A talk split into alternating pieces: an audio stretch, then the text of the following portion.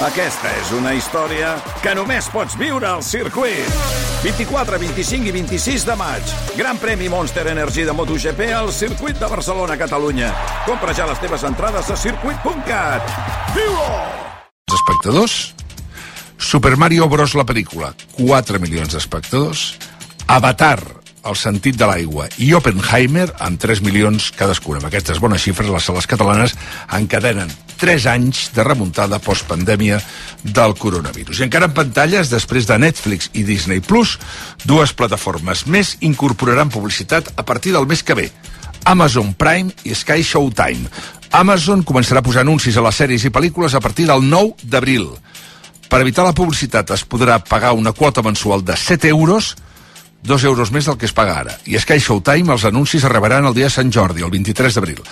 Ara el servei costa 6 euros cada mes i si es vol evitar la publicitat, 2 euros més, en pagarem 8. I Netflix, després d'un cert estancament d'incorporar els anuncis i de restringir l'accés als comptes compartits, es dispara amb beneficis i augment d'usuaris. Segons llegim el País, en l'últim any ha sumat 29 milions de subscriptors, fins a arribar als 260 milions. Els seus ingressos també han crescut més d'un 12% i és la companyia de streaming amb una proporció més baixa entre cancel·lacions i subscripcions. I parlant de plataformes, avui arriba a Amazon Prime la que diuen que pot ser una de les sèries d'aquest any que es diu La Reina Roja. ¿Qué quiere? Advertirle. A usted y su organización. La sèrie és una adaptació al best-seller de Juan Gómez Jurado i l'ha dirigit el cineasta basc Coldo Serra. La protagonitzen la gran Vicky Luengo i Jovic Keuchkerian, conegut també per haver interpretat a Bogotà a la Casa de Papel. Es pot veure doblada al català. I a Netflix avui aterra la primera part de Dune. I ho fa només 24 hores abans que s'estreni Dune 2, la segona entrega, amb molt bones crítiques. La protagonitzen Timothée Chalamet? I Zendaya, i també hi surt Javier Bardem, que es preveu que, com aquesta pel·lícula serà un dels èxits d'aquest 2024. I atenció als fans de la saga Agárralo como puedas, perquè en tindrem una nova versió sorprenentment protagonitzada per Liam Neeson.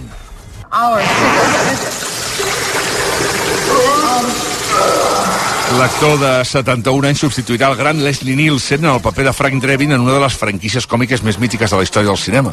S'estrenarà el 15 de juliol, però del 2025. I un altre personatge que també torna és Bridget Jones. There is one question. Segons el Daily Mail, el maig començarà a filmar-se en la quarta entrega a Londres. 23 anys després d'interpretar-lo per primer cop, René Zellweger es posarà de nou en la pell d'aquest personatge icònic del cinema. La nova pel·lícula, que també es basa en les novel·les de Helen Fielding, mostrarà Bridget Jones com una mare soltera que utilitza xarxes socials i apps de cites. A més, sembla que podria ser l'última, veurem. Encara cinema ha mort un actor i comediant, Richard Lewis. Era un dels protagonistes de la sèrie Curb Your Enthusiasm, la sèrie de Larry David, on s'interpretava a si mateix. Havia debutat l'any 74 al The Tonight Show starring Johnny Carson i des de llavors es va convertir en una clau, una figura clau de la comèdia als Estats Units. Tenia 76 anys. I per cert, que la Universitat de Barcelona investirà Doctor honoris causa el director J. Bayona, l'actriu Núria Espert, l'escultor Jaume Plense i l'artista Lita Cavallut. Tots quatre rebran el reconeixement per la seva aportació clau a les arts a Catalunya. 9 i 3 minuts. Avui a les 3 de la tarda es posen a la venda les entrades pel segon concert de Taylor Swift a Madrid.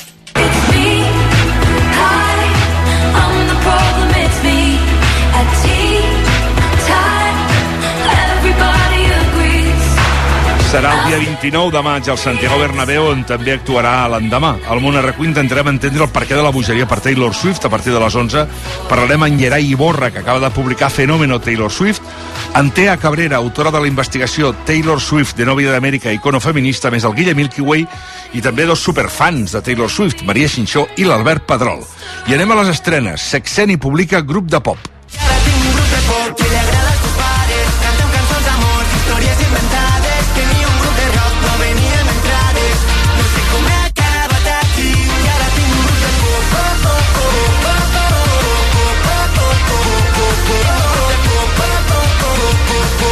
Un nou single que la Valda de Lleida ha fet amb els de Tiets. I avui publica nou disc també roba estesa. Amb calma, calma.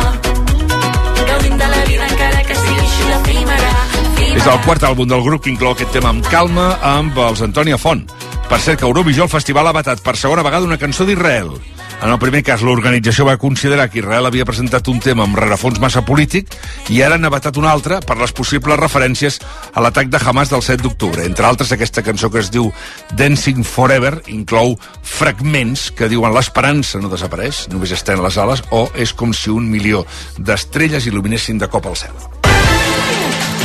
I els esports amb Repsol, Alexia Potella se'n torna cap a Barcelona sense jugar ni un minut amb la selecció espanyola.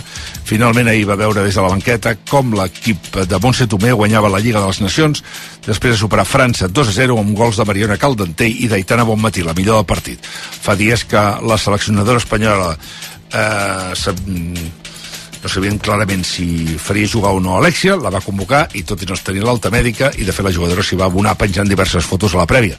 Tot plegat no fer gens de gràcia al Barça que considera que Alexia encara no està recuperada de la lesió al ginoll. Al final, però, l'incendi no s'ha propagat. Més coses. Avui quedarà definida la final de la Copa. L'Atlètic de Bilbao rep l'Atlètic de Madrid a Sant Mamés amb 1-0 pels bascos de la Nada, el partit a dos quarts de deu i a la final ja els espera el Mallorca. Per cert, avui Simeone no podrà comptar amb Antoine Griezmann perquè té problemes al turmell. El Barça, Joan Laporta, va consultar Xavi Hernández si estaria disposat a seguir més enllà de l'estiu. Això l'altre ho he comentat com una broma i cada vegada, segons va avançar el diari Esport i hem pogut confirmar RAC1, la porta el va tantejar en una conversió informal, però de moment Xavi continua ferm en la decisió de tocar el 2 el 30 de juny. Ah, per cert, que avui Mundo Deportivo posa el nom d'un exjugador de l'Espanyol sobre la taula dels possibles reforços del Futbol Club Barcelona per la temporada que ve. Diu Mundo Deportivo al lateral Mario Hermoso, que juga a l'Atlètic de Madrid però resisteix a renovar pel seu club i acaba contracte aquest estiu. I Anglaterra el Manchester City s'enfrontarà al Newcastle als quarts de final de la Copa. Ara ve el gran emparellament del sorteig. L'eliminatòria més potent és Manchester United-Liverpool. El United va eliminar el Nottingham Forest mentre que el Liverpool es va desfer del Southampton. I a l'Aràbia Saudita, que continua guanyant terreny a l'esport, el circuit masculí de tennis ha seguit els passos de Rafael Nadal i ha acceptat els diners procedents de l'Orient Mitjà. D'aquesta manera, el fons d'inversió pública del país entra de ple en el tennis mundial i posarà les seves sigles en tornejos de prestigi com el Masters 1000 de Madrid, Indian Wells o Miami a banda de la Copa Masters, entre d'altres. A més, aquestes sigles també apareixeran al costat del nom oficial del rànquing. Contractar la llum amb Repsol estalviant els proveïments. Contractar la llum amb Repsol estalviant els proveïments. Contractar la llum amb Repsol... Però què estàs fent? Contractar la llum amb Repsol. Perquè m'estalviaré 20 cèntims per litre cada vegada que faré benzina durant 12 mesos pagant amb Wilet. Contracta la llum amb Repsol al 950 52 50 o a Repsol.es i encén l'estalvi.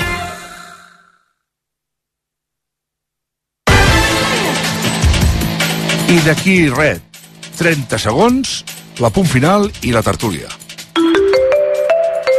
És l'hora de pujar al tren de la notícia Renfe. En el marc del pla Transformem Rodalies, Renfe ha comprat 101 nous trens per a Rodalies de Catalunya. Gran part de les noves unitats es fabriquen a Alstom, que ha ampliat la seva plantilla al Centre Industrial de Santa Perpètua gràcies a aquest encàrrec. Els nous trens adquirits dotaran el servei de Rodalies de Catalunya d'importants millores de fiabilitat, puntualitat i increment de l'oferta de places. Renfe. Ministeri de Transports i Mobilitat Sostenible. Govern d'Espanya.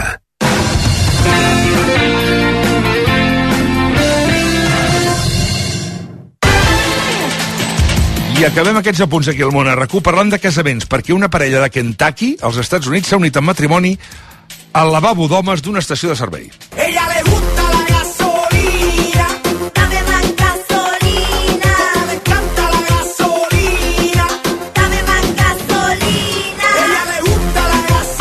Tiana Abni, la núvia, treballa a la botiga de l'estació de servei de Verona, no la d'Itàlia, sinó la de Kentucky, i quan buscava amb la seva parella opcions de casament diferents, perquè, esclar, no volien fer-ho a la típica capella, de seguida van pensar en una estació de servei. I concretament els lavabos de la gasolinera, perquè amb la reforma que s'hi va fer fa poc, l'empresa va tenir una brillant idea.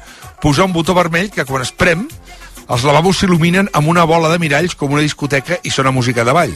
A les imatges que s'ha fet públiques del dia de l'enllaç veiem la núvia vestida de... tradicional, això sí, de la mà del seu pare, i amb el ram de flors tradicional passant del costat del taulell de la botiga de la gasolinera, també pel costat de les prestatgeries amb els productes que s'hi venen i de les cafeteres, fins que arriba a la zona dels lavabos. Allà dins dels serveis d'homes l'espera el nuvi i un capellà que els uneix en matrimoni. Ara aquests, amont, aquests amants poligoners de la Barona de marca blanca ja són marit i muller i tenen combustible per anys fins que la cadena els separi. Mare meva.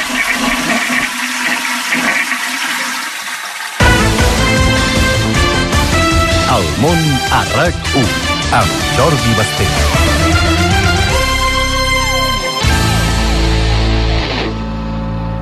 A CaixaBank sabem la importància de tenir algú a prop. A l'illa més remota del món i aquí, a prop teu. Per això tenim presència en més de 2.000 municipis per promoure l'economia rural. Impulsem l'ocupació dels joves amb la formació professional dual i donem suport als emprenedors amb més de 100.000 microcrèdits l'any. CaixaBank. Tu i jo. Nosaltres. El món a RAC1 amb Jordi Basté. No hi deu.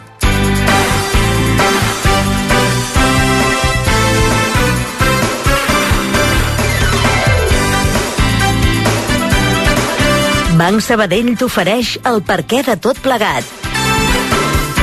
Avui, amb la consultora Concepció Barai i els periodistes Pere Mas, David Fernández i Neus Tomàs. A l'ull de poll, Mònica Hernández. Saludem. Conchi Barai, què tal? Bon dia. Bon dia. David Fernández, bon dia tingui. Bon dia, Jordi. Bon dia. Neus Tomàs, bon dia. Molt bon dia. Pere Mas, bon dia. Bon dia, amb alegria que l'excelsitud sigui amb tots vosaltres. Mònica Hernández, què tal? Bon dia. Bon dia, Jordi. Bon dia, bon dia, bon dia. Espera que... que... Hola, Armenteres, bon dia i bona hora. Hola, bon dia, bona hora. La pregunta del dia, al món arracú. Avalos és a l'hemicicle? No, encara no ha estrenat el nou escó. No ha arribat.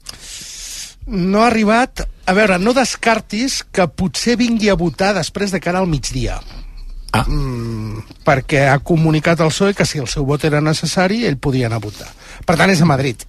De fet, Avalos viu a Madrid encara que sigui diputat per València, però al Congrés no hi és. Sí que és veritat que els passadissos, Jordi, estan molt moguts. Mira, Pachi López fa només uns minuts dient que tot plegat s'està exagerant molt. Y de, y de comer, me parece que tampoco es ningún delito, ¿no? Porque era su asesor, su asistente hasta hace bien poco. Estas cosas se debieron de conocer después. ¿Ustedes? Tampoco saquemos punta de todo, ¿no? He visto algunas informaciones que son delirantes. Quiero decir, supongo que un empresario se reúne con mucha gente y ensuciar por ensuciar y señalar con el dedo de manera tan maliciosa como hacen algunos, mejor se metieran el dedo en el ojo. I aquí ho deixem. Ja, ja, ja, ja. És molt curiós el que està passant, eh? És molt curiós. Ara d'aquí uns moments, d'aquí una estona, farem una cosa. I a més, no només ho penjarem a xarxes, sinó que el farem també, ho posarem a la web de racu.cat, eh, racu.cat, que serà perquè la gent ho entengui. Perquè, clar, hi hi ha gent que començarà el llibre per la pàgina 20 i anirà perduda. Per tant, farem com els llibres d'Agatha Christie, que va molt bé, no només els de l'Agatha Christie, n'hi ha molts que ho fan també, que és això de que, ho dic perquè que la meva mare llegia els llibres de l'Agatha Christie d'Editorial Molino, que era posar els noms dels, dels, uh, dels protagonistes de la, de, de la novel·la perquè la gent no es perdi perquè un moment que la trama de la novel·la era rebassada i llavors havies d'anar a mirar doncs aquell és el que portava la, la corbata i que, i que era el cosí germà de l'altre i llavors amb això i cada vegada la trama s'està fent més gran i cada vegada hi ha, hi ha més noms però avui jo torno a fer la pregunta que fa dos dies que pregunto als meus estimats tertulians i ja sé la resposta de la Mònica Hernández tot i que no sé si ha variat o no ha variat No. però no ha variat, eh? No. Que recordem que la pregunta de la Mònica Hernández, la pregunta que feia i que la Mònica Hernández va contestar que sí, és si José Luis Ábalos havia de deixar la, la seva, el seu acte de diputat. Val? La, la, la, la opinió de la, de la Mònica Hernández és que sí que l'havia de deixar, la meva és que no l'ha l'ha de deixar, i ara vull saber clar, eh, eh, clar, avui amb esdeveniments nous, què n'opinen els nostres tertulians d'avui? Pere Mas, sí o no? Uh, ho sento, eh? Sí i no. Hòstia. T'ho explico, és molt senzill. Perquè No, no, no, ja m'ho explicaràs, ja m'ho explicaràs, ja m'ho explicaràs, ja m'ho explicaràs. Espera't un moment. David Fernández, sí o no? Eh, sí. Sí. I ja m'explicaré, que també... Val, sí, clar, clar, clar, tothom s'explicarà. Tothom s'explicarà. Conchi Verai, sí o no? Sí. Sí. Neus Tomàs, sí o no? Sí. Sí. Sí, ja abans dels esdeveniments que dius dels darrers Va. dies. Avui no estic en minoria, eh, Basté? Que ahir ens van quedar Xavier Domènech i jo sols amb el sí. Sí, avui, avui em quedo jo en minoria Sí. absoluta, pràcticament. Si no m'ajuda una mica el Pere Mas, em quedaré en minoria absoluta. Um, ara anirem amb qui és qui en el cas, eh, en el cas Coldo. Estem amb Armenteres al Congrés. Què fas al Congrés, Armenteres? Què hi ha avui al Congrés? A veure, hi ha el debat d'estabilitat pressupostària per entendre'ns. Primer pas per aprovar pressupostos. Això ja es va debatre fa un mes i mig, el Senat ho ha tombat, ara s'ha de tornar a debatre aquí per fer una artimanya després per poder anar tirant endavant i anar negociant. Si això tira endavant, a tres mesos i mig, quatre, es podrien aprovar els pressupostos. Però clar, tot depèn també de l'amnistia, del que acabi passant. Ja. Aquí, avui estic veient una fotografia... Aviam, hi ha una, hi ha una, aviam, aquí està passant una cosa que és que ho donem tot per bo o ho donem tot per malament. El que no poden ser és que en uns casos ho donem per positiu i en altres per positius, per negatiu. Ha tornat a reaparèixer una unitat que es diu UCO. David Fernández, saps de què estic parlant, no? Perfectament. Gràcies. Um, el, la UCO va ser totes aquelles informacions de la Guàrdia Civil que, amb el cas de l'independentisme, es va anar demostrant, és a dir, repeteix una mica la història. És a dir, apareix la UCO, apareix la, la, aquesta unitat de la Guàrdia Civil, eh, i apareixen informacions al Mundo, amb fotografies eh, eh, realment curioses, en portada, i clar, allò ho vam donar, hi va haver un moment que tot allò, aquells informes de la Guàrdia Civil, vam veure que es perdien en l'espai i temps, eh, amb l'aparició de José Manuel Villarejo, i ara torna a aparèixer la Guàrdia Civil i la UCO amb aquest cas, del cas Coldo. I avui hi ha una fotografia a la portada del Mundo on es veu una silueta, que si teniu el Mundo per aquí, i podria ser Silvio Berlusconi perfectament, i és José Luis Ábalos, i a la dreta Coldo, que també podria ser Juan Carlos Quirauta perfectament, perquè és una silueta i és Coldo García. Um, O Juan Guerra. O Juan Guerra, sí. I um, Ábalos fumant. Això posa que és a la marisqueria al costat del Bernabéu la, aquesta marisqueria La Xalana té dues eh, té dues eh, dos restaurants. Un està a les afores i l'altre està a, al costat del Santiago Bernabéu. Doncs bé aquesta fotografia podria ser a la marisqueria o podria ser a, a casa del David Fernández perquè ens entenguem, perquè no es veu res que pugui semblar una, una marisqueria no? eh, però que constataria que aquesta trobada es va fer al mes de gener el mes de gener passat. Um, Aviam, Jordi de Planell, bon dia. Bon dia. Bon dia. Va, que, que, val, que, que, que tens informacions d'Avalos, no? Sí, uh, acabem de parlar amb ell. Què dius ara? Sí, sí, l'hem trucat ara a veure si uh, volia parlar aquest matí i respondre a les acusacions de, del diari El Mundo i aquest informe de la Guàrdia Civil que l'incrimina directament en la trama. Ell diu que no, diu que ahir ja va fer prou entrevistes, que els seus amics li aconsellen que, que calli perquè s'està exposant excessivament i afegeix que no pot sortir a respondre cadascuna de les informacions que vagin apareixent als mitjans i que per tant no vol sortir públicament a desmentir res. Ara bé, sí que ens ha explicat diverses coses que ens ha donat també permís perquè nosaltres les elevéssim a públiques. Aviam, atenció al que he dit. Eh, per tant, eh, José Luis Ábalos, al món RQ en, en, en mut. Exacte, en mut. Um, la primera és que efectivament es va trobar el 10 de gener amb Coldo Garcia a la marisqueria La Xalana, al costat del Bernabéu, però diu que va ser casualitat.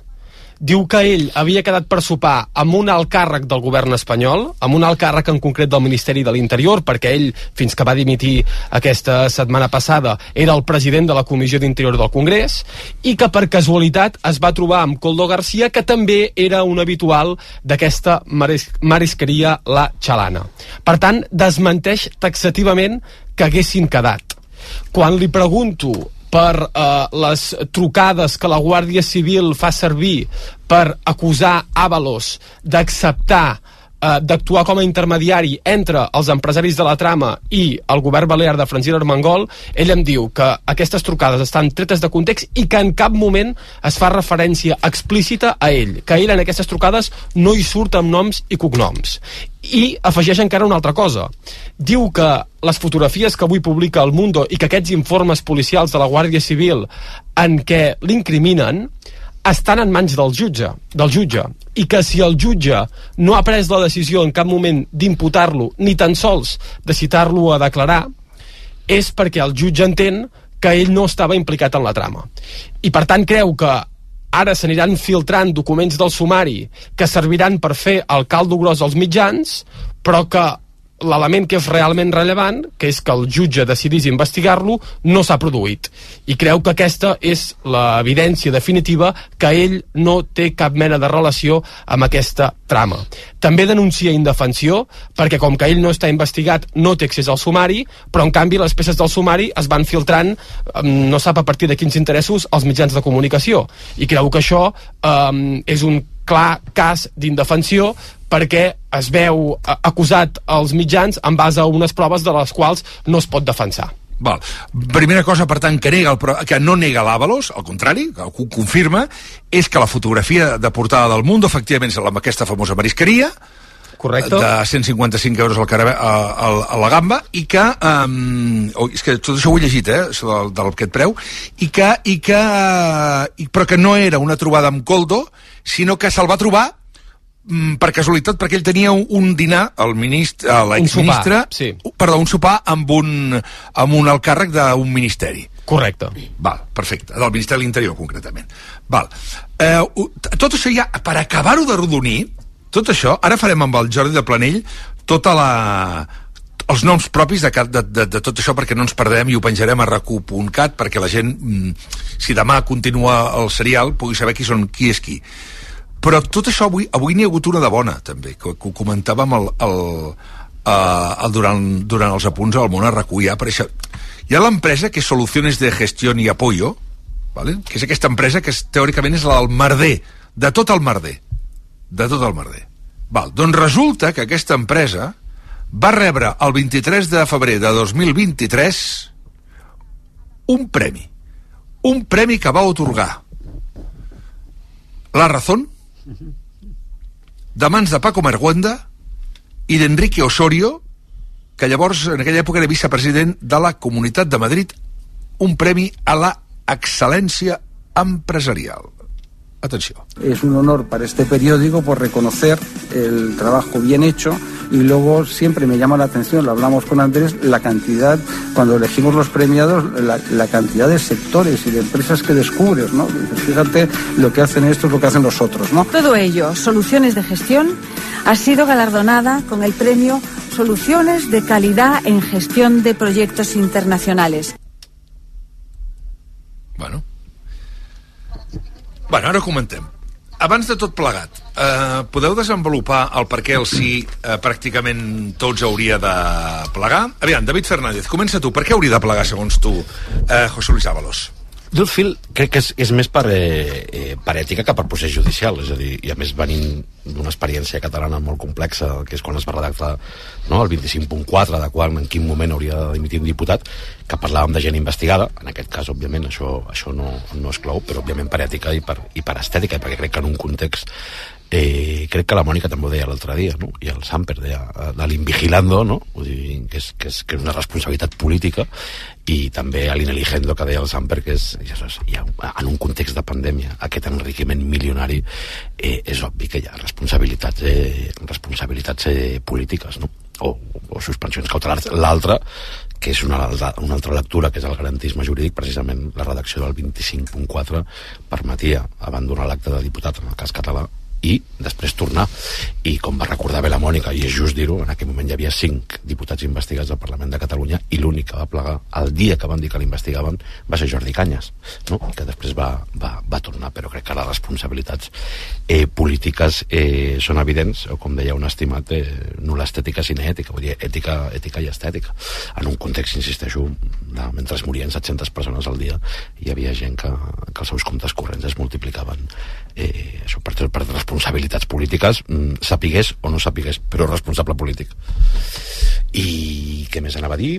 Eh, això que deies de la raó m'ha recordat postdata eh, aquell moment en què crec que era Transparència Internacional que li va donar un premi a l'Ajuntament de Sabadell eh, dos dies abans que esclatés el cas Mercuri.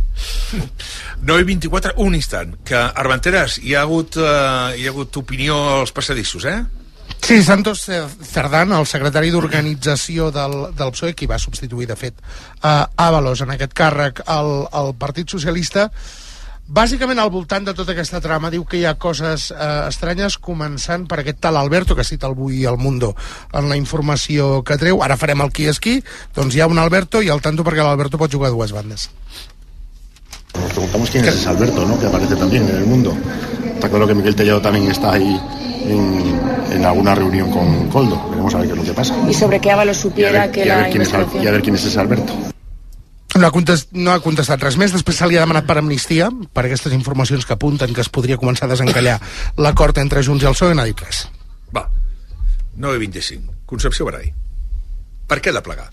Bueno, jo crec que d'entrada per responsabilitat, no? A mi em costa molt eh, creure que siguin la persona de la seva màxima confiança, la seva mà dreta, tant al Ministeri com al propi partit mm, realment no, no en sapigués res no? I, i, i més amb les últimes informacions que estem coneixent on diuen que fins i tot Moncloa era coneixedor de que hi havia sospites en relació a tota aquesta trama que va ser una pròpia senadora que els va posar sobre, sobre avís i, i, bueno, i l'última fotografia que jo ja entenc que Avalos digui que és una casualitat però saps què passa? que les casualitats eh, jo hi crec poc i en política encara hi crec eh, menys i més quan es, es tracta de temes com els que estem tractant ara que, que van eh, dirigits a, a, un, a una trama de, de corrupció, no? Per tant, independentment de que en aquests moments estigui investigat o no, cosa que el jutge pot canviar en qualsevol moment i pot tenir més informació i, i passar de no investigat a investigat el senyor Avalos, jo crec que per responsabilitat, i ja t'he dit que a mi em costa molt creure que ell no era coneixedor de tot el que estava passant en un moment quan el, en el que va passar, que el David en feia referència, que és en plena pandèmia on estaven morint eh, pues, moltes persones, centenars de persones cada dia i on l'administració hauria d'haver sigut molt més eh, rigorosa amb tot perquè, bé, jo crec que quasi tot, no, tots els ciutadans depeníem d'ells i de les seves eh, decisions. Uh -huh.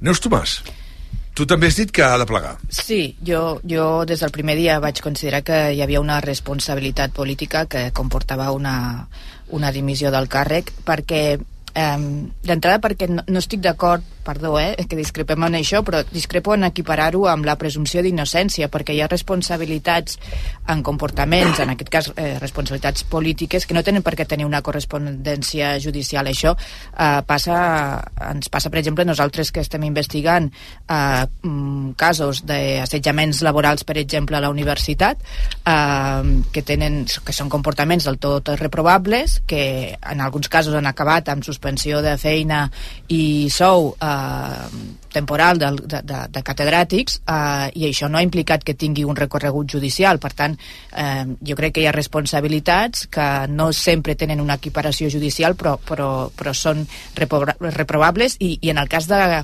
de, de persones que estan gestionant eh, fons públics doncs, eh, especialment destacables. Eh, primer perquè en aquest cas mm, no és un assessor, era l'assessor, és a dir, era la mà dreta. Eh, mm, era algú que, que estava mm, 24 hores pràcticament, no, fins i tot allò, llogant-li el pis i altres detalls que han sortit, però si, com va explicar el senyor Avalos aquí, eh, ell, com altra gent a dins del partit, no? però ell, que hi treballava directament, va tenir sospites, no?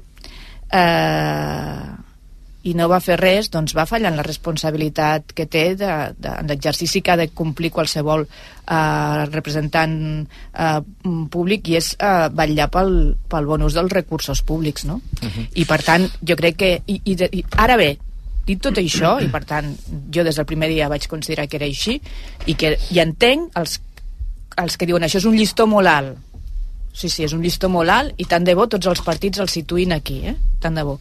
Uh, crec que, com, com hem vist en altres uh, ocasions, uh, de les diligències judicials, dels informes de la Guàrdia Civil, de les uh, fotos més o menys coincidents, en moltes causes han vist que se'n pot fer, i amb això té raó el senyor Avalos, una lectura parcial, esbiaixada i interessada moltes vegades en funció de molts interessos, eh? des, del, des de les línies editorials a, a interessos econòmics i per tant jo crec que sí que ens hem de mirar amb certa cura perquè està sortint moltíssima informació i crec que n'hi ha algunes que són més acurades i altres eh, crec que no ho són gens Mm.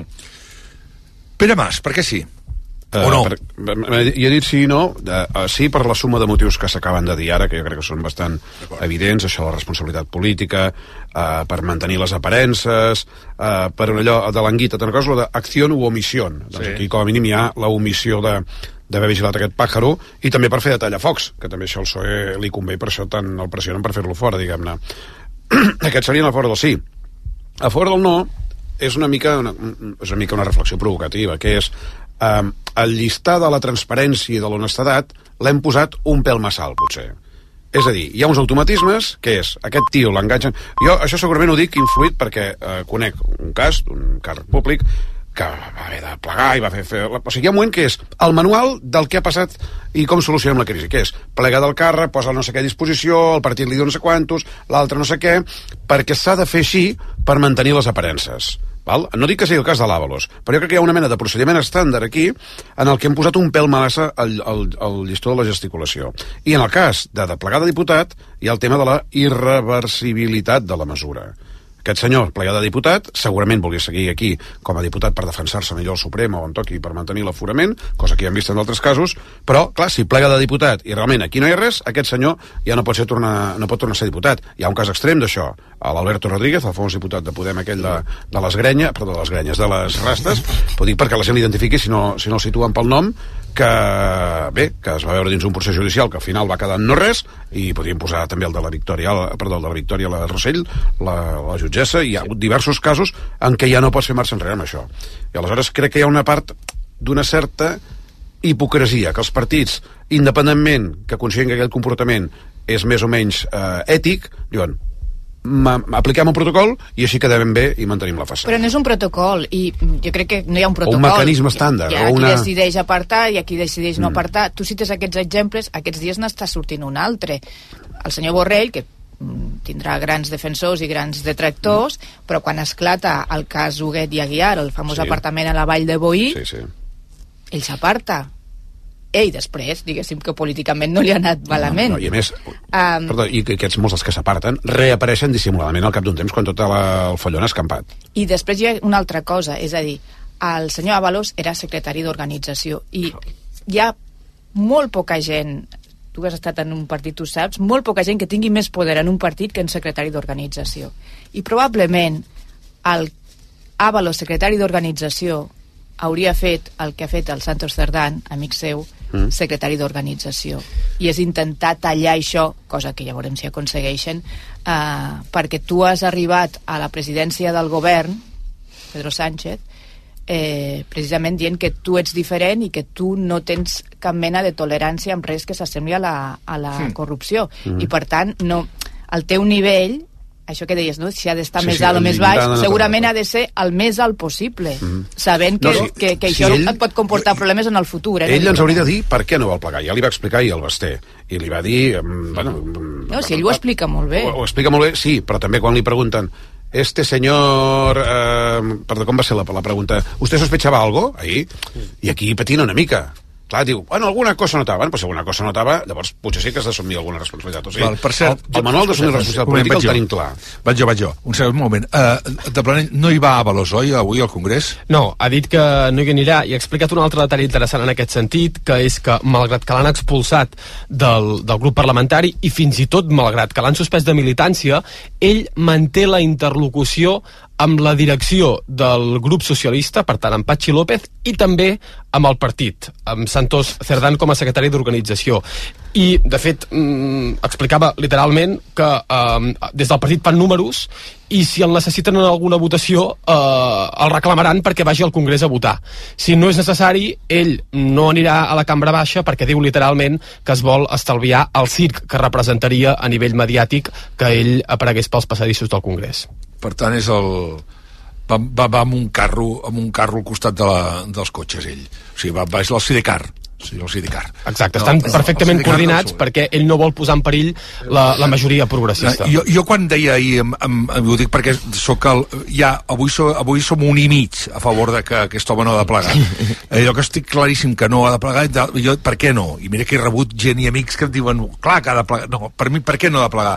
Perquè jo crec que cada vegada estem assenyalant més gent eh, amb presumpció de culpabilitat. Jo ho sento, eh? És, a dir, tot s'ha. I em diràs, no, és que és la persona a la seva mà dreta. Ho entenc.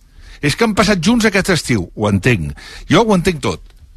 Però no podem posar per davant la presumpció de culpabilitat. Hi ha gent que et deia el tema de la Laura Borràs. No, és el tema de Laura Borràs. Laura Borràs estava investigada, estava imputada, eh, i a més la llei del Parlament deia el que deia. En el cas d'Avalos, que és el cas que, que ens ocupa, eh, aquest senyor no està ni investigat per l'Audiència Nacional, eh, ans al contrari, i és veritat, és home de confiança el Coldo aquest, és home d'absoluta confiança, de total confiança. Però, noi, cadascú és, és, tia, té els amics que té i té els col·laboradors que té. Jo crec que... El, a veure, el, jo el debat l'entenc, eh? Però el que passa és que... Mm, anem a dir-ho així, aquí no hi, ha, no hi ha debat jurídic ni debat reglamentari, és a dir, no hi ha ni 25.4, que per cert, en el cas català és més garantista perquè se suspèn l'acte de diputat i en el cas de que, no, de que t'absolguin tornes a ser, a ser diputat, això no pot passar al Congreso, però és un debat purament polític, eh, polític i, i, i ètic. Eh, jo estic d'acord al mateix temps, simultàniament amb, amb, amb el Pere i amb, la, i amb la Neus, amb la Neus sobretot, jo crec que cal anar pujant el llistó ètic cada cop més, no pot ser que estiguem en un context europeu on a Suïssa dimiteix algú perquè s'ha equivocat de tarja comprant un Toblerone a l'aeroport, perquè en comptes de la seva personal era la del Ministeri, eh, i aquí mm, allò de no, no, dimiteix eh, ningú. Dos, eh, eh, tampoc ens enganyem, Avalos és un animal polític.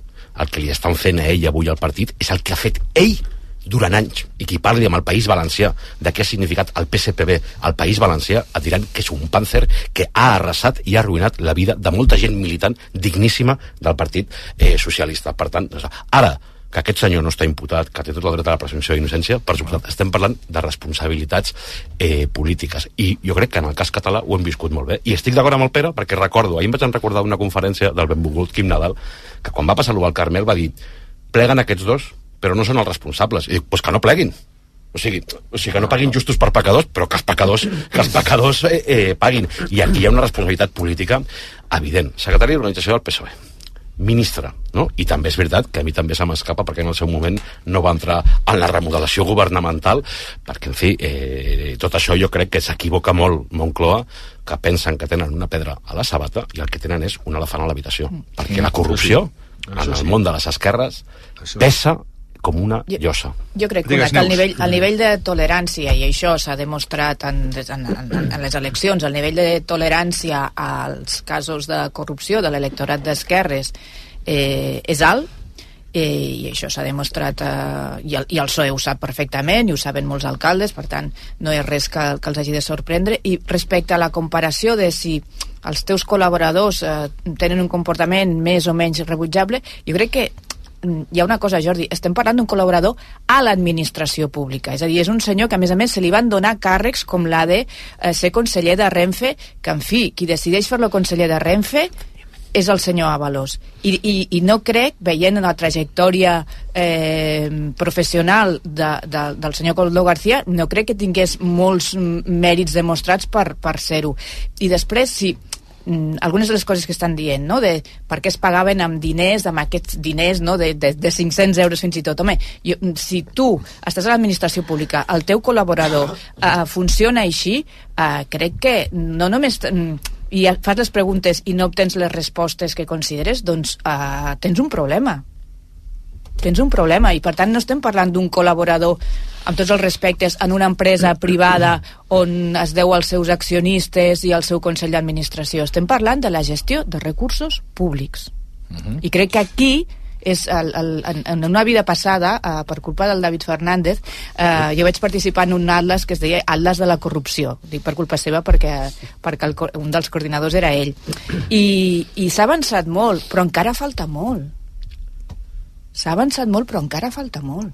Ja. Per tant, per això jo des del primer dia vaig pensar que sent un problema pel PSOE, perquè crec que eh, posar el llistó tan alt eh, t'obliga segurament més endavant a tenir més problemes que, que dels que tenies, doncs em sembla eh, exemplar i exemplificant i tant de bo, tant de bo, mm, tots els partits fessin el mateix a partir d'ara. Va, són les 9 i 39 minuts. Deixeu-me un moment que vagi a la, a la publicitat. I res, ara sí que en Jordi de Planell hi posa, eh, hi posa fil a l'agulla amb els noms i cognoms, perquè aquí hi ha cada nom que déu nhi Hi, ha, hi ha un personatge que serà clau i que no vol parlar.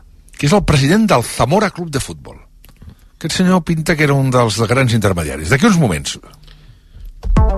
Si ets emprenedor o autònom, ja saps que les gestions, els tràmits, la facturació i la burocràcia són un autèntic mal de cap. Afortunadament, hi ha solucions que et poden estalviar preocupacions, pèrdues de temps i de diners. Des de 2019, la millor solució es diu Conto. La fintech pensada perquè no t'hagis d'amoïnar de res, que aquests dies participa al Mobile World Congress.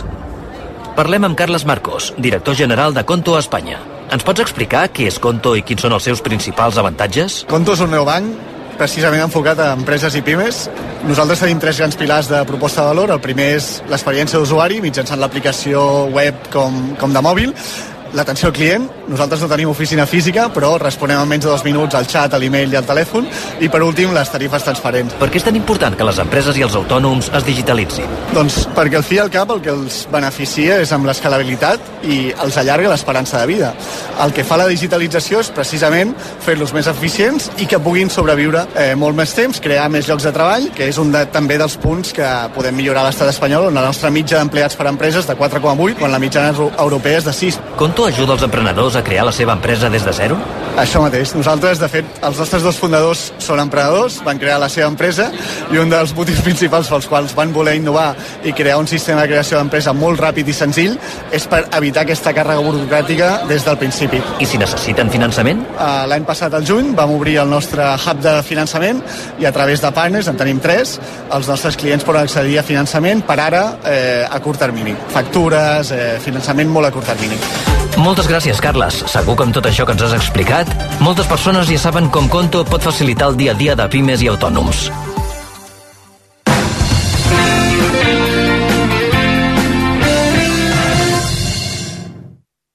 Busca't una excusa per fer una expedició a Groenlàndia, per mirar els ulls a Marina Abramovic, per conèixer els orígens d'Oasis. Busca't una excusa i connecta't a Caixa Forum Plus, la plataforma gratuïta de cultura i ciència. Sèries, documentals, podcasts, concerts i molt més. Caixa Forum Plus, la cultura que t'espera. Fundació La Caixa. Renew. Descobreix Renew, una àmplia gamma de vehicles d'ocasió per totes les teves necessitats. Tria entre elèctrics, híbrids, de gasolina o dièsel, recondicionats i certificats. Endut en un vehicle de segona mà totalment revisat i aprofita la garantia Renew. A més a més, et taxem el teu cotxe actual i et financem el que compris. Descobreix els vehicles d'ocasió a es.renew.auto. I a més, aquest mes condicions especials al teu concessionari Renault i Dacia de la Comunitat de Catalunya. Tenim vents que impulsen el país de Fisterra fins a Tarifa. 1.300 salts d'aigua i 2.500 hores de sol l'any que poden il·luminar tot un país. Tenim una matèria primera inesgotable i la capacitat de transformar-la en una força impossible de frenar. Només falta creure'ns-ho. Hi ha llum en el futur i és elèctrica. AELEC, Associació d'Empreses d'Energia Elèctrica, EDP, Endesa i Iberdrola. Si et vas quedant els quaderns Rubio i les teves habilitats tecnològiques es resumeixen a muntar presentacions en PowerPoint... Ventes. Redirigeix la teva carrera amb Nucleo Digital School. Estudia un màster en Data Science, UX UI Design, Product Management, Programació i molt més en tan sols 5 mesos. Des d'on vulguis i mentre treballes. No t'ho podem posar més fàcil. Visita nucleo.school. El 2 i 3 de març tens una cita amb la botiga al carrer de Platja d'Aro. Una experiència amb els cinc sentits. Vine a gaudir de les ofertes i aprofita per fer un vermut amb tap als restaurants adherits a la DEM, amb art i música en directe i fes les teves compres de temporada a un preu immillorable. La botiga al carrer de Platja d'Aro aquest cap de setmana. Vols registrar la jornada laboral? TimeNet és la solució. A l'empresa i en el teletreball. TimeNet, l'aplicació més fàcil i econòmica. Visita controlhorari.cat. Fa quatre dies eres un nen petit i mira't ara, fet un home, amb feina, amics, casa teva... Ai, estic molt i molt orgullós de tu, fill meu. Gràcies. Em pot arreglar la cisterna o...? Hauré d'encarregar una peça, però sí, fill meu, sí. Per 17 milions d'euros et fas pare de qui sigui. Ja hi ha a la venda el cupó de l'extra dia del pare de l'11. El 19 de març, 17 milions d'euros. Extra dia del pare de l'11. Ara, qualsevol vol ser pare. A tots els que jugueu a l'11, ben jugat. Juga responsablement i només si ets major d'edat.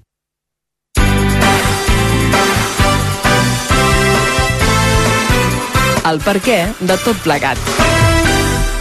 Són les eh, pràcticament tres quarts de deu del, del matí. Um, aviam, eh, eh, play rec, eh? Comencem ara el que seria els noms i cognoms d'aquest cas Coldo. Va, aviam, comencem de Planell. Què és el cas Coldo? Doncs mira, és una trama empresarial que hauria aconseguit contractes de diverses administracions públiques durant la pandèmia gràcies a les comissions que pagava a Coldo García, d'aquí el nom, cas Coldo. Hi ha almenys tres administracions implicades, serien el Ministeri de Foment amb Avalos com a ministre, el govern balear quan el presidia Franzina Armengol i el govern canari presidit per Ángel, Ángel Víctor Torres, que és l'actual ministre de Política Territorial. Val. Anem a noms propis per ordre alfabètic. Ábalos, José Luis. Era el ministre de Foment entre els anys 2018 i 2021 i també és l'exsecretari d'Organització del PSOE. Ell va fitxar com a assessor del Ministeri a Coldo García, un dels principals implicats en la trama. Avalos admet que en tenia sospites, però confessa que no les va contrastar. Nega cap implicació en la trama, però avui el Mundo publica aquest informe policial del qual parlàvem abans, que l'incrimina directament perquè hauria acceptat, segons el diari, fer d'intermediari perquè el govern balear no reclamés els 4 milions d'euros que va pagar als empresaris de la trama a canvi d'un milió i mig de mascaretes defectuoses. També hauria rebut informació clau sobre la investigació abans que esclatés l'escàndol. Ara bé, Avalos no està imputat en el procediment de l'Audiència Nacional. També hem de recordar, però, una cosa que ell ha omès abans quan parlàvem nosaltres. Avalos no està imputat a l'Audiència perquè no el pot imputar el jutge de l'Audiència. Com que és diputat està aforat i, per tant, només el podria investigar formalment al Tribunal Suprem. El que sí que podria intentar el jutge de l'Audiència Nacional que investiga aquest cas és que Avalos, de manera voluntària, anés a declarar per donar explicacions. Val. Cueto, Juan Carlos. És un dels dos cervells de la trama. Ell dirigia el grup Cueto, que és el holding empresarial del que formava part Soluciones de Gestión, l'empresa que aconseguia els contractes de les administracions públiques per comprar i vendre mascaretes. Soluciones de Gestión havia ingressat 0 euros el 2018. 0 euros. Dos anys després, el 2020, els seus ingressos s'havien disparat per sobre dels 54 milions. De Aldama, Víctor.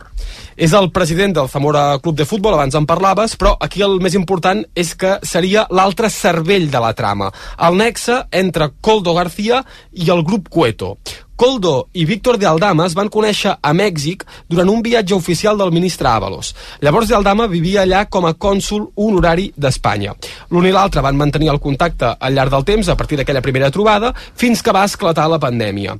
Llavors, de Aldama, que també coneixia els Cueto, d'aquest grup Cueto, veu una oportunitat perfecta ell eh, agafa Coldo García, que podia facilitar informació clau sobre els contractes de compra-venda de mascaretes, i el posa en contacte amb els Cueto, que tenien aquesta empresa, Soluciones de Gestión, que podia gestionar la compra de les mascaretes per després vendre-les a l'administració. I a canvi d'aquests contactes, el Dama que aconseguia? Doncs milions d'euros en comissions. Anem al nom clau. García, Coldo, assessor del ministre Avalos a Foment, abans havia treballat eh, per ell com a xofer quan era només secretari eh, d'organització del PSOE. Coldo García era un militant socialista històric del PSOE navarrès, de fet allà va conèixer a Santos Cerdán, que havia estat en aquell moment secretari d'organització del PSOE a Navarra. Cerdán és qui se l'emporta a Madrid quan Pedro Sánchez es va convertir en secretari general del PSOE l'any 2014.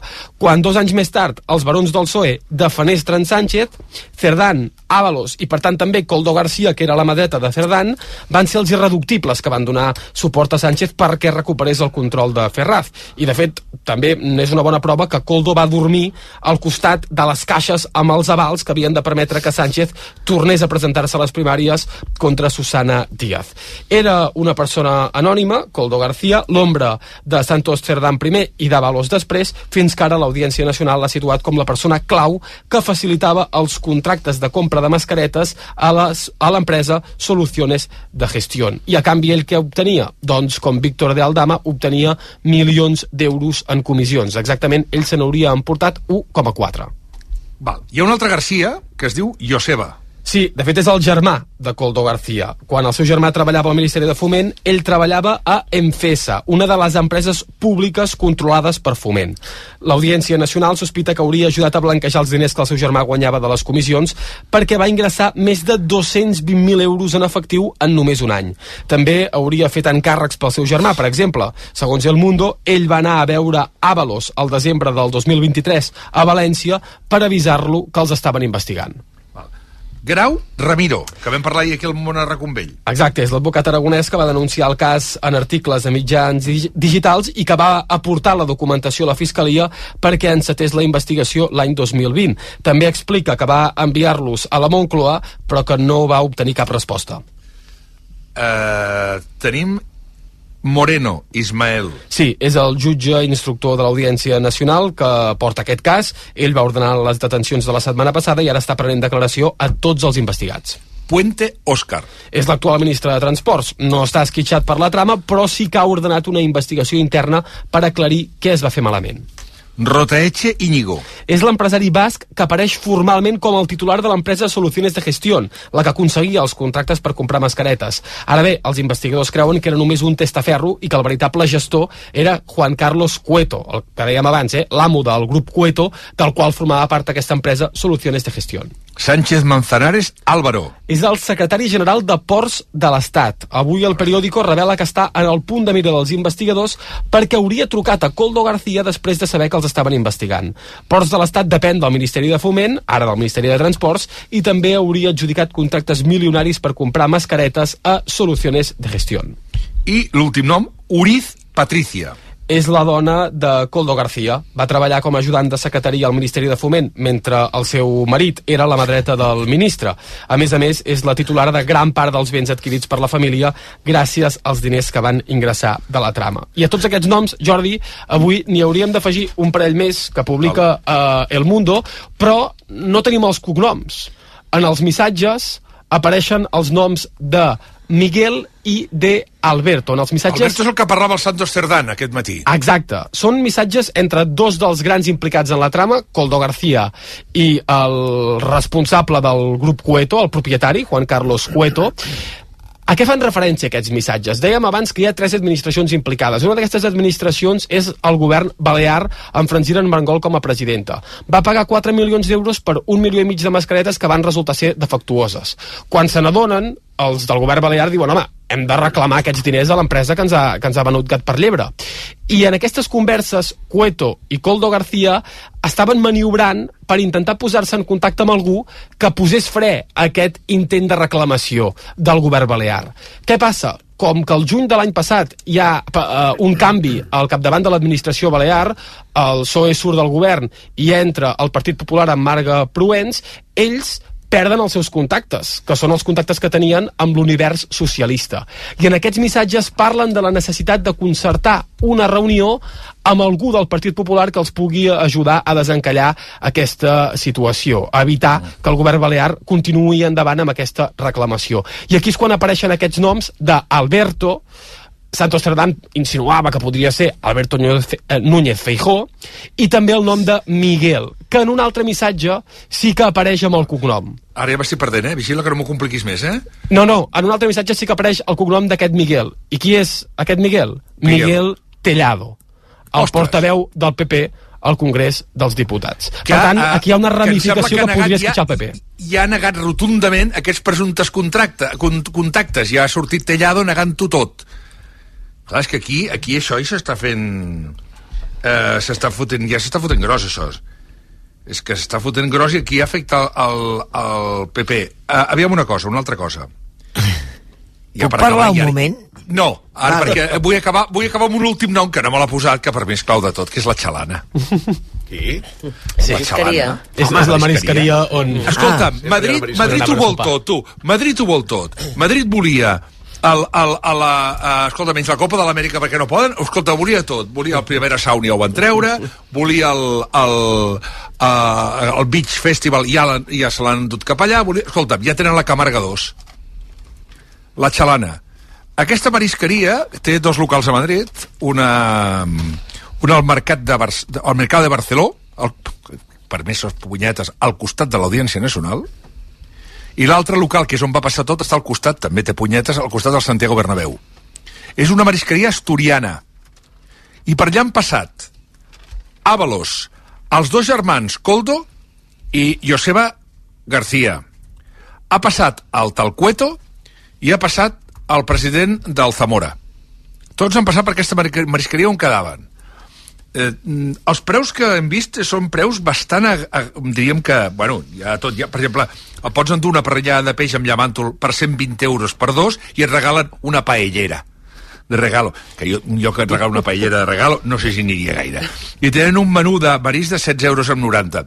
Jordi Bosch m'ha enviat un missatge, que sabeu que Jordi Bosch és el col·laborador del món RAC1 que sap, de, bueno, que en temes de gastronomia, que diu que eh, aclarir que la xalana es caracteritza per ser una marisqueria que intenta jugar amb preus assequibles, que no vol dir que no sigui bo. Vull dir que és popular i no classista molt avalos. Això és el que et diu en Jordi Bosch perquè ho posem. Deia l'amiga Conxi Barai que volia parlar. Endavant, Conxi. Sí, a veure, perquè s'han dit moltes coses, eh? A, a, um, començant per al final i després... A veure, mm, jo puc escriure 10 missatges a una altra persona dient que com que tinc un problema me vull reunir amb algú o amb un, algun altre i no anar més enllà. Per tant, sincerament, eh, jo intentar veure una ramificació que pugui escatxar el Partit Popular del tema Coldo crec que ja és intentar portar-ho massa al límit, eh? perquè al final, entre que dues persones escrivin missatges i fiquin el nom, evidentment, si canvia el govern de Balears, ells necessitaven contactar amb algú del partit que ara governa a les Balears i ells eh, fan servir noms, no? Però d'aquí a que es Però, puguin eh, arribar a reunir o que hi hagi missatge, anar més enllà, només el llegeixo, eh? A, a la conversa... Ho trobo molt- és que de veritat, eh? És, O és sigui, del ja 2 ho de trobo desembre ridícul. del 2023 i Coldo li diu a Cueto hemos quedado mañana con Miguel, ¿vale? Con Miguel Tellado. És la transcripció d'una conversa telefònica. Sí, sí, sí, jo, jo li puc dir a la Mònica que demà he quedat amb el president del govern. S'haurà d'investigar si hi has quedat o Home, no, sí, no? bueno, si sí, efectivament, i o Miguel Tellado ja ho ha negat. Per tant, és que diu, clar, estamos pidiendo la reunión a la administración balear a través de Alberto y de Miguel. Sí, clar, que dubte, mira, si, si d'allò el Miguel, dubto que l'Alberto sigui el president, perquè si tu et dirigeixes al president ja no parles d'un altre, no? Per tant, jo sincerament, que, és que ho trobo molt... Tot i així, si hi hagués hagut aquesta reunió, tampoc seria res dolent si això no hagués portat després el que tu em demanes que jo perdoni una cosa i jo te la perdono. Perquè tu m'ho pots demanar i jo et puc dir, doncs no, no, ho sento molt, no sé quins tractes tenies amb el govern anterior, però amb nosaltres no va així, no? Vull dir que això també, d'entrada. Dit això, a mi eh, hi ha dues coses que sí que les volia dir. Mira, en relació al que ens heu explicat fa un moment d'Àvalos, no? Que si el necessiten per una votació el trucaran perquè vagi a, a votar. Uh, ho sento molt, eh? Puro teatro. O sigui, eh, que se'n vagi el grup mix és puro teatro perquè el PSOE pugui dir que ell se l'ha tret de sobre. Perquè llavors, si resulta que se'n va al grup mix, que no apareix al Congrés dels Diputats, quan és la seva obligació, eh? perquè la seva obligació com a diputat és assistir als plens del, del Congrés, estigui el grup mix, estigui el partit, el grup socialista. No apareix però sí que els hi diu al Partit Socialista com a que si necessiten el seu vot se'l truquin que hi anirà corrents. Sincerament, puro teatro. Declaracions de Patxi López, dient que s'està exagerant, intentant treure ferro a, a l'assumpte. Home, jo crec que el tema és molt greu, que està afectant a, a moltes a persones, que està posant en dubte l'administració pública i un govern.